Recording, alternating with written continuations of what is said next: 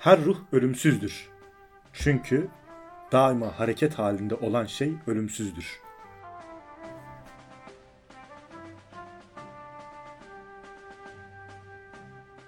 Merhaba, Filozofun Yoluna hoş geldiniz. Ben İlker.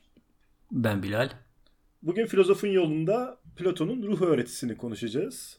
Platon'un ruh kuramı denildiğinde ne anlıyoruz? Onun ruhun doğasının ne olduğu, ruhun kısımları veya işlevi, ruhla beden arası ilişkiler, ruhun kaderi gibi sorulara verdiği cevaplar. Değil mi? Evet. Ee, ruhun ne olduğunu açıklamanın uzun ve tanrısal bir çabaya ihtiyaç gösteren bir şey olduğunu belirten ve bu yüzden de zor olduğunu söyleyen Platon'a göre onun neye benzediğini söylemek yine de mümkündür. Aslında onun e, ruh hakkında konuşmaları mitlere ve sembollere dayanıyor biraz. Öncelikle senin de yaptığın alıntıdaki gibi ruh ölümsüzdür. Yine geçen programda başka bir evrenin var olmadığını söylemişti Platon. Ruh öğretisinde de benzer bir şekilde ölümden sonra bir hayatla ilgili e, bir hayatın var olduğu ile ilgili söylemleri olsa bile bu pek açık değildir Platon'da. Yani açıkça bunu belirtmiyor. Doğrudan bir çelişki olduğunu söyleyemeyeceğiz. Yani yine tek evren ve ruhun ölümsüzlüğü ve bu dünya ile ilişkili bir kuramı söz konusu. Platon ruhu doğası ve özü bakımından bir hareket ilkesi olarak almaktadır. Çeşitli diyaloglarında ruh ile ruh için verdiği tanım onun kendiliğinden hareketin ilkesi olarak ele almaktadır. E, Platon evrendeki varlıkları öncelikle canlı ve cansız varlıklar olarak ikiye ayırır.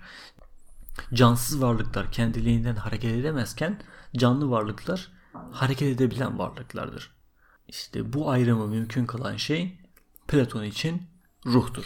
Ee, burada canlı varlıklar hareket eden varlıklardır derken e, hareket etmekten sadece yer değiştirmeyi mi anlıyoruz? Hayır. Platon hareketle her türlü değişmeyi kastediyor. Örneğin arzu etmek, bir şey istemek, öfkelenmek, üzülmek de birer harekettir Platon için. Peki o zamanın dünyasında yahut e, Platon'un görüşlerinde e, ki canlı cansız ayrımında bugünküne benzer bir ayrım var mıydı yoksa daha farklı mıydı? Bizim bugün cansız dediğimiz varlıklar Platon için canlıydı. Hatta bazıları daha yüksek bir hayat, hareket ve ruha sahipti. Mesela gök cisimleri bunlardan bazıları e, onlar da hareket ediyor. Demek ki onların da ruhları vardı Platon için. Zaten evreninde hareket eden bir şey olduğunu belirtmişti Platon. Aynen öyle. Evrende kendi etrafında dönen bir küreydi ve onun da ruhu vardı. Buna alem ruhu diyordu Platon. E, ruh Platon'a göre özü itibariyle değişimin ve dönüşümün kendiliğinden hareketin, kendi kendine hareket eden varlığın bu hareketin ilkesidir. Ruhun özü harekettir. Ruh demek zaten hareketi kendiliğinden olan şey demektir. Yunanca yani psike. O bütün varlıklar için akla sahip olabilecek yegane varlıktır. Şöyle bir alıntı yapalım. Başkasından hareket alan ve böylece kendisi de başkasını hareket ettiren şey hareket durunca yaşamaz olur. Yalnız kendiliğinden hareket eden varlıklardır ki kendisini terk edemeyeceği için sürekli hareket halindedir. Yine Platon'a göre hareket olmasaydı evren hiçbir zaman var olmayacaktı. O halde şöyle söyleyebiliriz. Ruh birincil bir şeydir. Doğan veya varlığa gelen bir şey olmadığı gibi ortadan kalkabilen, yokluğa gitmesi mümkün ol- olmayan bir şeydir. Eğer böyle olsaydı evren hareketsiz kalmak zorundaydı. Ruhsuz olsaydı. Yani evrenin bir ruhu var bunu anlıyoruz ve bir aklı olduğunu da anlıyoruz. Peki bunu söylemek aynı zamanda bu evrendeki tüm bu değişimin bir aklın ürünü olduğunu söylemek olmuyor mu? Şimdi bu görüşe göre evrende olup biten her şeyin temelinde ruhun bulunduğunu ve ruhun kendisinin de özü itibariyle bilinçli bir varlık olmasından dolayı evrenin tümünün akılsal olarak yönetildiği sonucunu rahatlıkla çıkartabiliyoruz. Eğer ruh ölümsüzse varlığa gelen ve varlıktan kesilen oluş ve yok oluş içinde olduğunu bildiğimiz varlıkların meydana getirdiği, içinde yaşadığımız dünyaya ait, duysal dünyaya ait bir şey olamaz Platon'a göre. Tamam, e, ruh ölümsüz ve bu dünyaya ait değil. Peki ruhun e, töz bakımından farklı bir yapıda olduğu anlamına gelmiyor mu bu aynı zamanda? Evet, yine evet. Platon kendisinden önce gelen doğa filozoflarından kararlı bir şekilde ayrılıyor burada ve ruhun maddi, fiziksel, duysal bir şey olmadığını, onun tinsel bir töz olduğunu söylüyor. Ruh ne Anaximenes'in dediği gibi bir hava yığını, ne Herakleitos'un dediği gibi saf bir ateş, ne de Demokritos'un dediği gibi ince atomlardan meydana gelmiş bir bileşimdir. O madde dışı, cisimsiz, tinsel ve tanrısal bir tözdür. Ya şimdi şunu e, sormadan edemeyeceğim. Tamam ruh cisimden maddeden tamamen farklı bir şey. Hatta ona zıt bir şey. Peki ama bunun maddede ve bedende buluşunu e, ruh için bir kötülük veya düşüş olarak kabul etmemiz gerekmiyor mu Platon'un düşüncesine göre? Öyle. Daha önceki programlarımızda özellikle e, bilgi felsefesini konuştuğumuzda yine ruha kısaca değinmiştik hatırlarsan. E, Platon ruhun beden zindanında olduğunu söylemişti. O adeta kabuğuna yapışmış bir istiridye gibi ruhun içinde hapsolduğu bir hapishanededir. Beden ruhu sürekli aldatır ve alçatır. Bedene ait duyumlar, duygulanımlar, tutkular, hazlar bizi mutlu olmaktan uzaklaştırdığı gibi duyu organlarının kullanılması da bizi gerçek bilgiden uzaklaştırır. Gerçeği biz aklımızla kavrayabildiğimizi, bedenin de bu kavrayışı engellediğinden bahsetmiştik yine epistemoloji hakkında konuştuğumuz programımızda. Yani Platon'un epistemolojisini konuştuğumuzda. Hatta bu bilgiye ulaşabilmek için insanın e, bir inzivaya çekilmesi gerektiğinden, bedeninden, dünyevi zevklerden uzaklaşması gerektiğinden bahsetmiştik. Bu ruhun öğrenmesi açısından, ruhun gerçekle irtibatı, gerçekli, gerçek bilgiye ulaşması açısından beden olumsuz bir e, etki uyandırıyor e, ruh üzerinde. E, kendisinden şöyle bir alıntı yapabiliriz. Bunun daha iyi anlaşılması için. Ruh kendisini ne işitme, ne görme duyusu, ne acı ne haz. Hiçbir şey bulandırmadığı zaman daha iyi düşünür. Bir tane daha alıntı yapalım. Bu sefer konuyu farklı bir mecraya götürelim. Gerçek bilgeliği ancak ölümden sonra elde etmek mümkündür. Ya e, ruh hem kendisini ne işitme ne görme duygusu ne acı ne haz onlardan soyutladıkça daha iyi düşüneceğini iddia ediyor. Hem de ölümden sonra gerçek bilgiliğini iddia e, gerçek bilgiliği elde edeceğini söylüyor aynı zamanda. E, peki o zaman ruh bu dünyada ne iş yapıyor? Niye var o zaman ruh bu dünyada? Ne yazık ki Platon'un bu soruya verdiği bir cevap yok. Yani böyle bir soru sorulmamış kendisine. Onun da bir cevabı yok. Ya peki şunu anlamıyorum bir de. Şimdi beden ve ruh birbirinden tamamen ayrı şeyler. Fakat bunların ilişkisi nasıl mümkün oluyor? Yani neden bedenimizle ruhumuzun bir ilişkisi içerisinde bulunması gerekiyor? Bu kadar ayrı birbirinden her açıdan. Farklı tözlere sahipler. Ve o zaman bir ilişkileri de mümkün olmamalı düşündüğün zaman. Timaios diyaloğunda bu etkileşimi bedenin hastalıklarının ruhu da hasta ettiğinden bahsediyor Platon. E, bu yüzden ruh ve beden arasında bir denge ve uyum olması gerektiğini söylüyor. E, güçlü bedenin zayıf ve zekası cılız bir ruhu kolayca etkisi altına alacağından bahsediyor Platon. Eğer ruh çok güçlüyse ve beden zayıfsa kişinin yapacağı araştırmaların araştırmaların bedeni harap edeceğini iddia ediyor. Sorumuza gelirsek şimdi Platon bu ilişkinin kuramsal olarak nasıl meydana geldiğine dair bir açıklama vermiyor bize. E, yine de yaşlılık diyaloglarında onun bu dualist anlayışının zayıflamış olması ve aralarındaki ilişkinin yumuşatılmış olmasından bahsetmeliyiz. Şimdi Platon'un bir dualist filozof olduğunu hatta daha önceki programlarımızdan birinde de Descartes'la da aynı sorunu yaşadığını söylemişti. Ruhla beden nasıl ilişki içerisinde? Farklı maddeler. Birisi madde birisi değil. Madde olmayan bir şey bir maddeyi nasıl etkileyebilir? Bu modern felsefede de karşımıza çıkan bir problem ve bu problem çözümsüzlük kalmaya devam etti. Platon için de bu geçerli. Platon sadece akla yakın, makul bir açıklama vermeye çalışıyor. Aralarında bir denge olmalı. Yani bir şeyler uyduruyor yani kabaca. Belli bir denge. Ee, yoksa buna net bir yanıt veremiyor maalesef. Evet. Peki e, insan bedenindeki bütün bu faaliyetler ruhla ilişkilendiriliyor mu yoksa bir çeşit mekanist açıklamaya da cevaz veriyor mu Platon? Şimdi beslenme, sindirim, duygulanım bunun gibi tüm faaliyetlerin kaynağı ruhtur Platon'a göre. Ancak bu birbirinden mahiyet bakımından farklı faaliyetleri ruhu da kısımlara ayırarak açıklamaktadır Platon. Ona göre bizim üç tane temel davranışımız vardır. Bunlar bilgi edinme, cesaret veya kızgınlık ve yeme, içme ve cinselliği kapsayan iştah davranışı. Bu Sokrates'in üç hayat öğretisinden herhalde daha önce birkaç defa bahsetmiştik. Bu üç hayat öğretisi aynı şekilde Platon'un ruh kuramında da yer alıyor. Hmm. Bilgi edinme davranışı, öfke davranışı ve de e, işte yeme içme ve cinselliği kapsayan iştah davranışı değil mi? Evet. Peki bu üç davranış şeklimiz olduğuna göre e, buna göre de üç ayrı eylem ilkemiz olması gerektiği sonucuna varabilir miyiz? Evet. E, bu eylemlerin ilkeleri de aklımız, irademiz ve iştahımızdır. Platon'un devlet diyaloğunda bunları tekabül eden üç sınıf yer alacak. Bunu siyaset felsefesine girdiğimizde biraz daha ayrıntılı bir şekilde anlatacağız. Bunlar aklı temsil eden filozof, filozof kral, iradeyi temsil eden, öfke gücünü temsil eden koruyucu askerler, muhafızlar.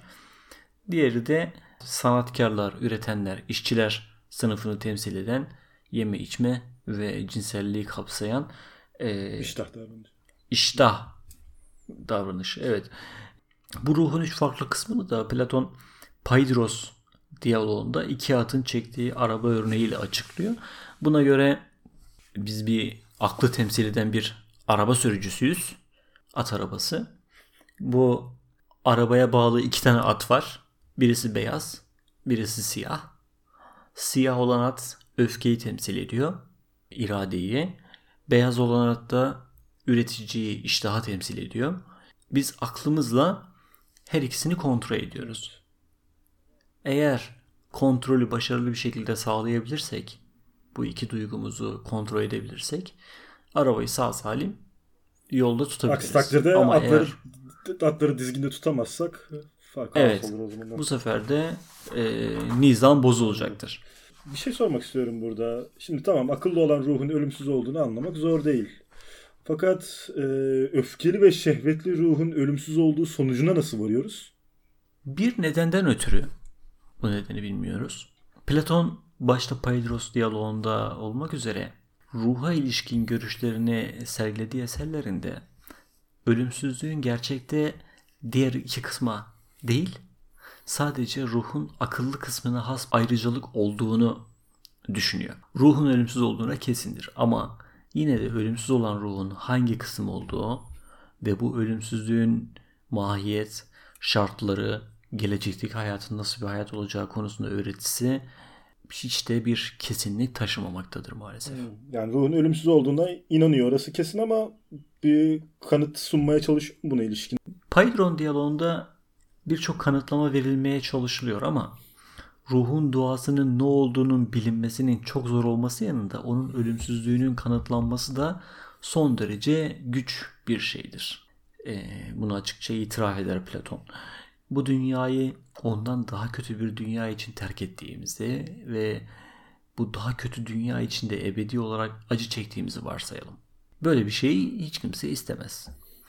Paydros diyaloğunda Sokrates'in aradığı ölümsüzlük kendisinden evvel ölüp gitmiş bütün insanlarla, bilge ve filozoflarla buluşacağı ve kendileriyle felsefi tartışmalar yapabileceği bir mutluluk imkanını sağlayan ve temsil eden bir ölümsüzlüktür. Platon'un ruha ölümden sonra vaat ettiği gelecek hayat onun idealar dünyasını o güzel ve saf haliyle olduğu gibi görebileceği ve bu seyir ve temaşadan dolayı en büyük bir zevk ve mutluluk içinde girebileceği bir gelecek hayattır. Şimdi şu aklıma takıldı. Ya ruh doğası gereği iyi değil mi? Doğası gereği aynı zamanda ölümsüz. Evet. Ve dolayısıyla ölümden evet. sonra da mutlu olacak. Ama e, evet. bu görüş aynı zamanda işte iyilerin gelecekte yaptığı iyiliklerin mükafatını alacağı, kötülük kötülük yapanların ise bunun cezasını, bunun karşılığında cezasını çekeceği bir e, ahla, ahlaki talep ve beklentimize yönelik düşüncemize uymuyor gibi geliyor aynı zamanda. Eğer sonsuz bir iyilikle, yani sonsuz bir mutlulukla mükafatlandırılacaksa. Bu çelişkiyi ee, nasıl aşıyor Platon?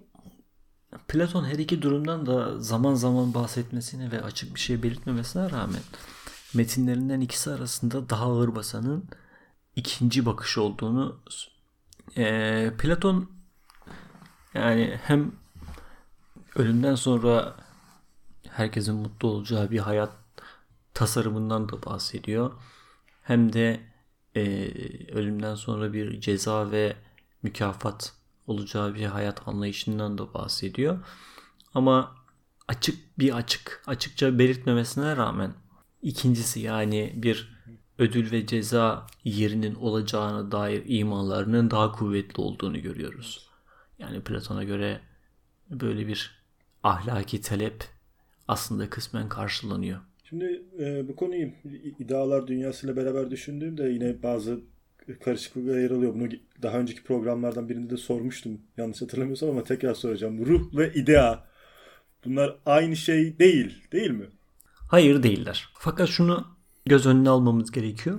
Ruh ile tanrı veya tanrılar arasında bir benzerlik söz konusu. Tanrılar ile geleneksel anlamda ruhlar arasında bir derece farkı vardır Platon'a göre. Zaten insan ruhunda da tanrısallık, hani ölümsüzlük söz konusu ya. Evet. Bir tanrısallık söz konusu. Ama e, yine onun varlık hiyerarşisine göre en yüksek olan şey tanrılar. E, de özellikle bunu daha sonra biz yeni Platoncu harekette çok görmeye başlayacağız. Ondan sonra söz başlıyor. Sonra gezegenler başlıyor. Bir 10 e, tanrı sıralaması söz konusu oluyor. En sonra da madde ile tanrısal dünya alem arasındaki köprü görevini insan ruhu görüyor. Ve diğer maddeler de yani cansız maddeler de insandan daha aşağı. Mesela gezegenler insandan daha yüksek canlılar, varlıklar. Ee, bizde bir çeşit tanrısal. Zaten biz özellikle yeni Platoncu bunu yeni Platoncularda bunu çok daha açık göreceğiz. Platon bütün evreni geçen programda da bahsettik tek bir canlı olarak görüyor. Bir anlamda panteist bir anlayış söz konusudur. E, insanlar bizde de o tanrısallık ruhumuz olması. Yani her şey bir tanrısallık o... atfediyor yani değil mi? Evet. E, ruhu olan her şey Platon'da bu daha çok ön planda. Yeni Platoncularda madde de bunun içine dahil ediliyor. Canlı ve cansız ayrımı Mesela, artık yok olduğu canlı cansız ayrımı devam ediyor bir şekilde ama e, tanrısallık yani her şeyin tek bir tanrıdan çıktığı ve onun bir parçası olduğu anlayışı yeni Platoncularda daha çok ön plana çıkıyor. Platon'da da zaten onlar da adı üzerine yeni Platoncu. Platon'un düşüncelerinin geliştirilmiş bir versiyonu. Tanrı'nın da ruhu var. Veya Tanrı da bir ruhtur. Biz de, biz de bir ruhuz ama biz derece olarak daha aşağı bir ruhuz. Platon'un ruh teorisiyle ilgili bizim aklımızda olması gereken şey en çok aklımızda olması gereken şey az önce de saydığımız gibi ruhun üçe bölünmesi. Akıl, öfke ve iştah. Bu üç bölümü Platon'un özellikle siyaset felsefesinin de temelini oluşturacak. Zaten biz Platon'un ve Platonculuk programında da bahsedecek. Platon bir dizge felsefe kurmuştur. Sistem filozofudur. O kendi felsefi sistemini bütün e, felsefe alanlarında tatbik etmiştir. Yani şu sö- söylediğin ışığında bakarsak zaten bu e, sosyal sınıfları bile bu üç akıl e, hareketinden esinlenerek koymuştur aynı evet. zamanda. Evet. Yani bu diğer ayrıntıları ruhun ölümsüzlüğü işte şudur budur vesaire ayrı, bahsettiğimiz bunca ayrıntıyı dinleyicilerimiz unutsa bile Platon'un bu temel ruhun üç bölüm ayrılması ve bunların neyi temsil ettikleri ve aklın bunları yani ruhun akılsal kısmının ruhul ruhun öfke ve iştah kısmını kontrol ettiğini ve iyi bir daha doğrusu adaletli bir ruhun bunların düzenini sağlayan bir ruh olduğu fikrini unutmamalarını e, öneriyorum. Çünkü bu onun bütün felsefesinin temeline oturan bir anlayıştır. Platon'un ruh kuramının son maddelerde de bahsettiğimiz gibi Tanrı'yla epey bir ilişkisi var. O yüzden hazır vaktimiz varken e, dinleyicilerimizi biraz sıkmayı da göz önüne alarak Tanrı'dan da bahsedelim. Onun Tanrı kuramından da biraz bahsedelim. Ruh kuramına girmişken, ruh ee, bilimine gelmişken oradan da Tanrı kuramına oradan bir adım diye mi düştük? Bir ilişkisi var mı yoksa sırada o vardı onun için mi işliyoruz? İlişkisi var. Ee, şimdi e, şunu da belirtmemiz gerekiyor. Teoloji dediğimiz şeye ilk defa Platon'la karşılaşıyoruz biz. Yani Platon'un büyük bir filozof olmasının sebebi çok şey hakkında yazmış olmasıdır. Elimizde çok az diyalog var. Yani çok az 30 33 tane diyalog var. Ama bunlar iyice araştırılıp incelendiği zaman her şey hakkında düşünmüş, yazmış gibi görüyor ve bunu müthiş bir sanatsallıkla, müthiş bir sanatçı bakışıyla diyalogların içine yerleştirmiş. Bugün bile hala keyifle okunacak e, sanat eserleri olarak karşımıza çıkıyor. Bu yüzden ben dinleyicilerimizden tekrar tekrar söylüyorum. Platon'un diyaloglarından en azından devlet diyaloğunu okumalarını sonra e, daha önce de bahsettiğimiz retorik Gorgias diyaloğunu retorikten bahsettiği ve çok zevkli okumalardan bir tanesi olan Aşk'tan bahsettiği sempozyum diyaloğunu okumalarını tavsiye ediyorum. Çok güzel diyaloglar gerçekten. Zaten sempozyum diyaloğunun diğer adı da aşk zannedersem yanlış mı hatırlıyorum? Şölen. Şölen. Ha Şölen doğru pardon. Evet. Zaten, kitap, ee... zaten kitap olarak da Şölen ismiyle basılıyor diye hatırlıyorum. Kitapçılarda Şölen ismiyle satılıyor. Her, her ikisini her ikisini de bulmak mümkün. Her ikisini de bulmak mümkün. Farklı yayın ellerinde farklı isimler de var. Senin soruna geleyim tekrar. Yani az önce de bahsettiğimiz gibi ruh tanrısal olması itibariyle tanrı kuramıyla epey ilgili bir konu ruh ve teolojisi yani psikolojisi ve teorisi. E, ruhun az önce birkaç defa hareket ilkesi, hareket ettiren bir ilke olduğundan bahsetmiştik. Platon için çağdaş dünyada bizim bugün genel olarak kabul ettiğimiz gibi özel alana ait bir şey değil. Tamamen toplumsal ve siyasal nitelik taşıyan bir kurumdur. Platon dinin toplum üzerindeki etkisini keşfetmiş ve onun devletinde doğru inanca sahip olma ve bu doğru inanca uygun olarak doğru bir şekilde tapınma devletin yasa koyucunun ilgi ve yetki alanına girmiştir. Bu böylesine toplumla ilgili bir şeydir. Ya, ve devleti ilgilendiren bir konudur. Yani dini, dini bildiğin bir politik araç olarak kullanıyor değil mi? Evet aynen öyle. Platon'un sitesinde, Platon'un devletinde buna paralel olarak da dinsizlik veya sapkın görüşlere sahip olmak sadece ahlaki bir kusur veya günah değil. O aynı zamanda yasal olarak bir suçtur ve devlete karşı işlenmiş bir suçtur üstelik. Atina'da hilafet devleti kurulmuş ee, gibi burada öyle geliyor kulağım. Şeyde şimdi Platon'un devletinde devletin elini uzatmadığı, dokunmadığı hiçbir konu yoktur. Her şey onun yetki alanına girer. Platon'un Tanrı ile ilgili öğretisine onun Yasalar isimli en sonki diyaloglarından biridir. Orada daha çok karşılaşıyoruz. Bu kitapta özel olarak tanrılar hakkında doğru ve yanlış inançların neler olduklarını, tanrı tanımazlığı nedenlerini, tanrıların varlığının ispatları ve dinsizler hakkında yapılacak düzenlemeleri falan içerir. Platon'a göre tanrılarla ilgili olarak kabul etmemiz gereken inanç esas olarak onların var oldukları, iyi ve adil olduklarını benimsemekten ibarettir. Peki bu yasa koyucu tam olarak hangi düşüncelerle mücadele edecek veya bunu hangi yasalarla belirtecek? Yasa koyucunun kendisiyle mücadele edeceği yanlış inançlar genel olarak nedense günümüzdeki gibi ateistler, tanrı tanımazlar.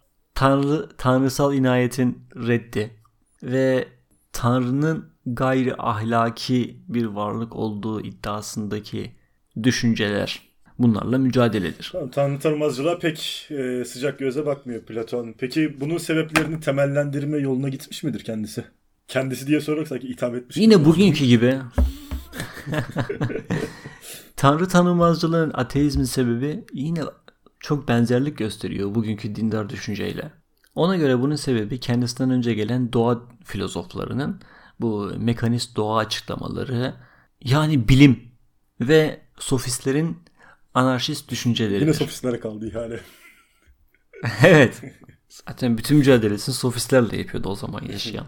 Karşı düşünürler. Peki e, bununla nasıl bir mücadele öngörüyor Platon? Tanrı tanımazlıkla. İşe onların kurum, kuramlarını çürütmekle başlayacak ve kendi kanıtlarını sunacak. Felsefe tarihinde genel olarak baktığımızda üç türlü tanrı kanıtlaması vardır.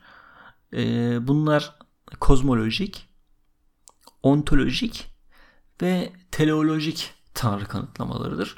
Platon e, teleolojik tanrı kanıtlamalarını sunacaktır bize. Kozmolojik dediğimiz evrenden yola çıkarak bir yani her şey varsa bunun bir sebebi vardır. E, ontolojik olarak Tanrı'nın var olduğunun gerçek bir varlık olarak kanıtlanması çalışılacaktır. Teleolojik kanıtta da evrenin rastlantısal bir yapıya sahip olmadığı, düzenli bir görünüş arz ettiği ve dolayısıyla şahs veya rastlantının ürün olamayacağı akıllı, bilinç sahibi, bilge bir varlığın elinden çıkmış olması gerektiği ana fikrini yani, gö- savunacaktır. Görünüşün ötesinde bir hikaye arayışına girişiyor yani. Evrendeki düzen kendi kendine olmuş olamaz. O zaman bir tanrı var. Kaba bir düşünce yani. Hani bu bu düzeni bir düzenleyici olması lazım. Kaba düşüncesine dayanıyor bu fikir. Ee, bunun yanında Platon Yunan olsun, barbar olsun insanların en büyük bir kısmının tanrıların varlığına inanıyor olmalarının da tanrı varlığının ek bir kanıtı olarak gösterir. Bu da özellikle orta çağda da çokça karşılaşacağımız bir tanrı kanıtlamasıdır. Buna buna ortak kanı ya da ortak kanaat gibi bir şey deniyordu. Yani herkeste bir tanrı fikri var. Eğer tanrı olmasaydı insanlar bu düşünceye öyle ya da böyle olacak? her evet insanlarda da bu düşünce söz konusu olmayacaktı. Bu da onun tanrı kanıtlamalarından biridir. Anladım. Yalnız tanrı tanımazlığının sebeplerini atladık galiba. Ya evet. E, şimdi doğa filozofları evrenin maddi olarak ateş, su, hava, toprak gibi unsurlardan oluştuğunu kabul etmişti ve canlı cansız varlıkların canlı veya cansız e, bütün varlıkların bu tür cansız şeylerden tamamen rastlantı eseri meydana geldiğini öne sürmüşlerdi hatırlarsan. Peki sofistler ne diyordu bu konuda? Doğa filozoflarının bu mekanist açıklama modeliyle yani her şeyin rastlantı eseri ortaya çıkması düşünceleriyle sofistlerin bu uzlaşıya dayalı yani ahlaki kavramların ortaya çıkışını buna hatırlarsan biz özellikle e, geç dönem sofistlerinden bahsederken doğal durum, medeni durum, sonra mesela Protagoras'ta görecilik, insan her şeyin ölçüsüdür gibi unsurlara dayanmıştık. Orada e, hatta Gorgias'a geldiğimiz zaman bir hiçlik anlayışından bahsediyorduk. Bu iki fikir bir araya geldiği zaman Platon'a göre en zararlı fikir olan tanrı tanımazcılık ortaya çıkmış ve yayılmış. Platon da onunla mücadeleye girişmiş. Evet. Peki ya tekrar ettirmiş gibi olacağım. Biraz evvel de bahsettin ama şu tanrı kanıtlaması üzerinde biraz durabilir miyiz? Orta çağda bunların üzerine çokça duracağız. Bunu yine hatırlatayım. Yani tabi yine söylemem gerekiyor. Ben orta çağ felsefe tarihi üzerinde ilk çağ felsefe tarihi kadar durmak istemiyorum. Özellikle ilk çağ felsefe tarihinde Platon ve Aristoteles belki Plotinus üzerinde bu kadar durmamızın sebebi Orta Çağ ve İslam felsefesini en çok etkileyen filozofların bu üçü olacak olması. Bir de şu ana kadar felsefeye giriş adı altında bir program dizisi yapmadık aslında biz. Doğrudan felsefe tarihine girdik. Çok kısa birkaç program yaptık. Çünkü felsefi konuların, kavramların, kişilerin anlaşılması gerekiyordu. O yüzden ilk çağ felsefe tarihi üzerinde bu kadar durduk. Bu tanrı kanıtlamalarına özellikle Orta Çağ'da çokça değineceğiz. ee, ama burada da yine onun teleolojik tanrı kanıtlaması üzerinde duralım biraz. Platon evrenin onu teşkil eden varlıklarla ilgili olarak gözlemlenen veya var olduğunu ileri sürdüğü erekselliğin yani amaçsallığın ancak bir erek güden yani bir amaç ortaya koyan bilgi ve hikmet sahibi akıllı bir varlığın eseri olduğunu, yasa ve sanatın doğal bir temeli olduğu, adalet, iyilik gibi fikirlerimizin salt uylaşım, yasama sonucu ortaya çıkan yapma şeyler olmadığını göstermeye çalışacak. Doğa filozoflarının aksine o ruhun maddeden sonra değil, önce geldiğini ve doğanın ruhu epifenomen yani sahte bir olay olarak meydana getirdiğini değil, ruhun doğayı yönettiğini ve yönlendirdiğini ispat etmektedir. Yani iddia etmektedir. Ruhun maddeye önceliği ise hareketin önceliği demektir. Çünkü ruh bildiğimiz gibi hareketin ilkesidir. Daha doğrusu kendiliğinden hareketin ilkesidir. Geçen programda da bolca bahsettik. Kendiliğinden hareket aslidir. Birincildir ve diğer hareketlerden önce gelir. Kendiliğinden hareketin ilkesinin ise ruh olduğunu çokça söyledik. Bir diğeri de yani kendiliğinden hareketle diğer hareket diğer hareket ne peki diye sorabilirsin. Kendiliğinden hareket insanın hareket etmesi. Kendi elini kolunu kaldırman. Diğeri de senin bir bardağa itmen. Sen itmezsen o bardak hareket etmeyecek. Bu yani. Yani ruhu kendinden her hareketin sonucu olarak görüyoruz. Onların yönlendirdiği diğer hareketler de bunların sonucu olarak ortaya çıkıyor. Ee, o zaman evrendeki iyi şeyler gibi kötü şeyleri de ruhtan bilmemiz gerekmiyor mu bu, bu manada? Bu açıdan düşünecek olursak. Evet yani mantıklı bir çıkarım ve Platon'un da zaten buna itirazı yok. Hatta o e, bunu ortada birden fazla en az iki ruhun var olduğu var olması gerektiği görüşünü temellendirmek için de kullanıyor. Bunlardan birisi iyilik, diğeri de kötülüğün kaynağı olacak.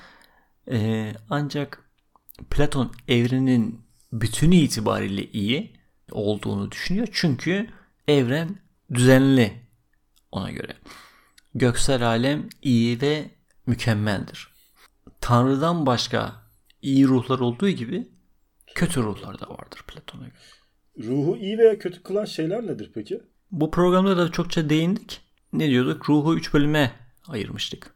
Öfke ve şehvet. Akıl tarafından kontrol edildiği zaman iyi, adil. Eğer bu kontrol sağlanmadığı zaman aklın emirlerine uymazlarsa da bu kötü bir ruhu ortaya çıkaracaktır Platon'a göre. Peki şimdi tüm bu evrenin hatta gökyüzünün onun içindeki tüm nesnelerin bir ruhu olduğunu, onda da bir akıl olduğunu düşünecek olursak tüm o, o e, gökyüzü cisimlerinin tüm bu hareketlerinin, onların dönüşlerinin de buna benzer bir yapıda olduğunu, bununla müşterek bir yapıda olduğunu düşünmemiz gerekiyor mu yoksa bunun tersi bir özellik gösterdiğini mi söylememiz gerekiyor? Şimdi Platon'a göre evren yani özellikle göksel evren aynı düzene, aynı şekilde, aynı yerde aynı merkez etrafında aynı yöne doğru aynı oran ve düzen içerisinde yuvarlak kürelerin dönüşüne tanık et, tanıklık ediyor. Öyleyse onun ona bu hareketi veren en yüksek ruhun en iyi ruh olduğuna ve onun akılla birleşip onun emirlerine göre evreni yönlendirdiğine inanmamız gerekiyor. Yani bu çok bu çıkarım çıkarabiliyoruz. Hmm, ne var ki Platon bu ruhların yani iyi ruhların söz konusu cisimleri yani bedenlerini nasıl hareket ettirdiği konusuna açıklık getirmiyor. Bu onun için pek önemli değil. Önemli olan gök cisimlerinin ruhlarını veya onların kendilerini tanrılar olarak görmek gerektiğini bilmektir. Kafamı takılan bir şey var burada. Ee, yanlışım varsa düzelt. Ee, şu ana kadar öğrendiklerimizden yola çıkacak olursak Platon bariz bir biçimde işte iyi gibi kötünün varlığını da ruhla birleştiriyor, ruhla açıklıyor değil mi? Bunun nedeni evet. olarak da ise ruhun akılsızlıkla birleşmesini gösteriyor.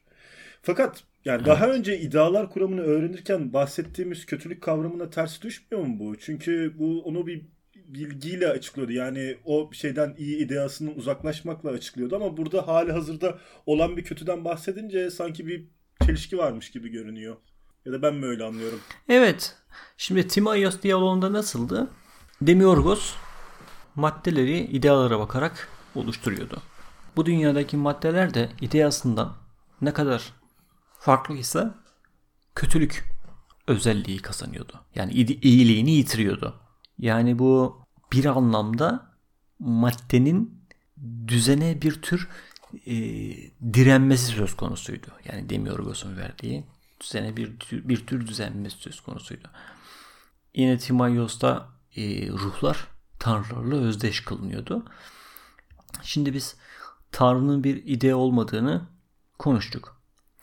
Platon'un tanrısı sadece ideaları seyreden ve duyusal dünyada onları gerçekleştiren bir yapıcı ve hareket ettireceğim başka bir şey değildi. Bir sanatçı olduğunu söylemiştik. Bu tanrı yani Demiurgos idealar dünyasının en tepesinde bulunan ve her şeye varlık ve gerçekliğini, iyilik ve güzelliğini veren iyi ideasının kendisini kendisi değildir. Kötü ruhun sorumlusu Demiurgos değildir. O idealardan uzaklaşanlar oluyor değil mi? Bu ikisi biraz birbirinden farklı. Yani nasıl diyeyim şimdiye kadar şu sonucu çıkarabiliriz. Bir normal Demiurgos'un maddeyi oluşturduktan sonra yani maddenin kendisinden uzaklaştıkça kötülük kazanması bir çeşit kötülük ama ruh Platon'un burada bahsettiği kötülüğün kaynağı olan kötü bir ruh ile o kötülük aynı şey değil demek istiyorum. Peki Demiurgos'tan başka tanrı var mı yoksa tek bir tanrıdan mı bahsediyoruz Platon düşüncesinde? Ya aslında Platon için bunun pek önemi yok. Yani biz daha çok umursuyoruz belki de.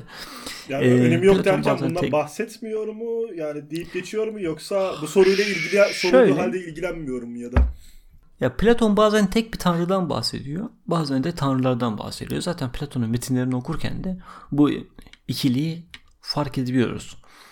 Ancak tanrılar ile ruhlar arasında yapısal bakımdan yapısal bakımdan önemli bir fark olmadığını gördüğümüz gibi tanrıların yani Platon'a göre göksel var göksel varlıkların ruhları arasında bir yapı ve değer farkı olmadığını da görüyoruz. Yani illa bir tanrı arayacaksak en yüksek iyi bir tanrı var ama az önce söylediğimiz gibi tanrı ile benzer özellikte ruhlar da var. Yani her iki sonuca da varabiliyoruz Platon'a göre. Hem bir tane tanrı var, tanrıların en yükseği, hem de diğer tanrılar da var. Onlar da tanrı. Mesela ay, ay bir tanrı, güneş bir tanrı, Mars, Venüs birer tanrı. Ruh da bir anlamda bir tanrı Platon'a göre. Ama en yukarıda, en iyi, bütün her şeye düzen veren ana bir iyi tanrı da var Platon'da. Ama varlığında aynı zamanda evrenin geri kalanını da istihale ediyor, birleştiriyor bu tanrı. Evet, evet anladım.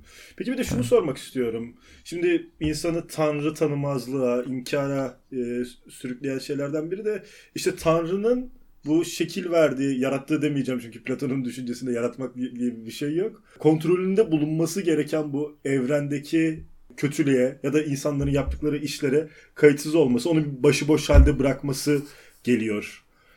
Platon'un buna bir itirazı var mı ya da buna ka- elbette karşı çıkıyor herhalde böyle bir şey, böyle bu şekilde düşüncelere. Yani deizm değil mi? Bugünün de e, konusu. Evet. Bugünün de e... yarattın kardeşim ama niye ilgilenmiyorsun?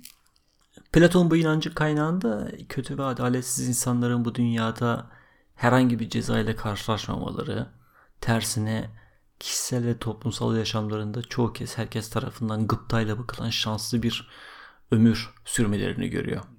Yani deizmin kökeninde. E, tanrılar var olsa da insanların işlerini küçümsedikleri, ilgilenme tenezzülünde bulunmadıkları sonucuna varıyor insanlar. Bu kadar kötülük varken tanrılar karışmıyorsa demek ki tanrılar gerçekten de ilgilenmiyor. Şimdi tanrıların her şeyi yönetmekten aciz olduğunu söylemek her şeyden önce küfürdür Platon'a göre. Onların ihmalkar veya tembel olduklarını düşünmek de küfürdür. Küfre girer. Yani bu dünyada gördüklerinin sonucunda yanlış fikre sahip olmalarını e, sebep olarak görüyor Platon. Anladım. Peki e, şimdi Platon'da fark yani herkes de farkındadır ki yani bu dünyada kötüler her zaman cezasını bulmuyor. Şanslı bir hayat sürebiliyor veyahut da şatafatlı bir hayat sürebiliyor. Gayet zevki sefa içerisinde yaptığı bütün kötülüklere rağmen. Ve bu da bir adaletsizlik doğuruyor haliyle. Bu adaletsizliğin e, varlığının nedeni nedir? Platon'a göre bu adaletsiz veya yani kötülük problemi. Evet. Konumuz bu kötülük problemi. E, Platon'a göre bu tür adaletsiz veya haksızca gibi görünen olayların ahlaki açıklamasını vermek için parçaya değil bütüne, bütün için tasarlanan en yüksek ve iyi amaca bakmamız gerekiyor. Şüphesiz ki tanrılar e, bütünün iyiliği ve mükemmelliği için her şeyi tasarlamışlardır. Birinin bakış açısından kötü gibi görünen bütün iyilik arz ediyor, bütün için iyilik arz ediyor olabilir. Kaldı ki insanlar yaptıkları şeylerin yanlarına kar kalmayacağını, kar kalmayacağını, yaptıkları adaletsizliğin cezasını ölümden sonra Hades diye bir yere gitmek suretiyle ödeyeceklerini de unutmamalıyız. Yine aynı şekilde iyiler de ödüllendirilecektir. Yine bugünkü dinlerin vardığı yere geliyor e, Platon. İlahi adalet Sonuçta kavramını belli. ilahi adalet var. Zaten tanrısal inayetin ve adaletin olmadığını söylemek zaten küfür. Hades onları cezalandıracak Ee, kardeşim merak etmeyin siz diyor değil mi? Evet.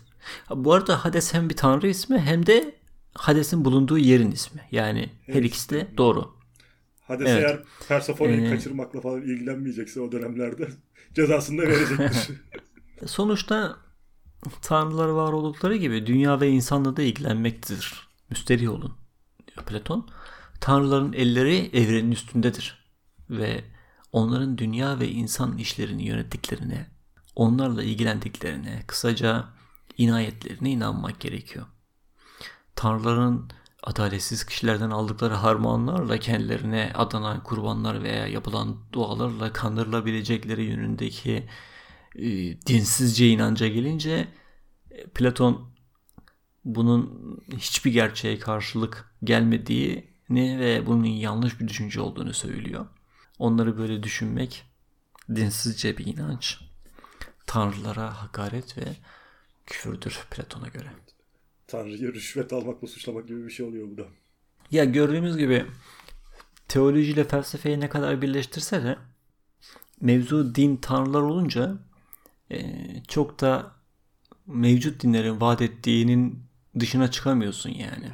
Aristoteles'te de benzer şeyler göreceğiz. Sonraki filozoflarda özellikle Platonistan sonra falan bi- bildiğin dine dönüşecek yani felsefe. Aristoteles'ten Platonos sonra... evet. Ha, Platonos. Pla- Aristoteles'ten sonra mı böyle koyu dine dönüşecek? Orasını kaçırdım. Evet Plotinos. Plotinos'la beraber. Anladım. Hani bir sonraki adımı din. Hani öyle bir hale gelecek yani. Evet. Program yeterince uzun oldu herhalde. Ee, var mı soracağınız, ekleyeceğim bir şey? Yok bir şey kalmadı. Teşekkür ederim güzel anlatımın için. O zaman bir sonraki programda siyaset felsefesini görüşmek üzere. Esen kalın. Hoşçakalın.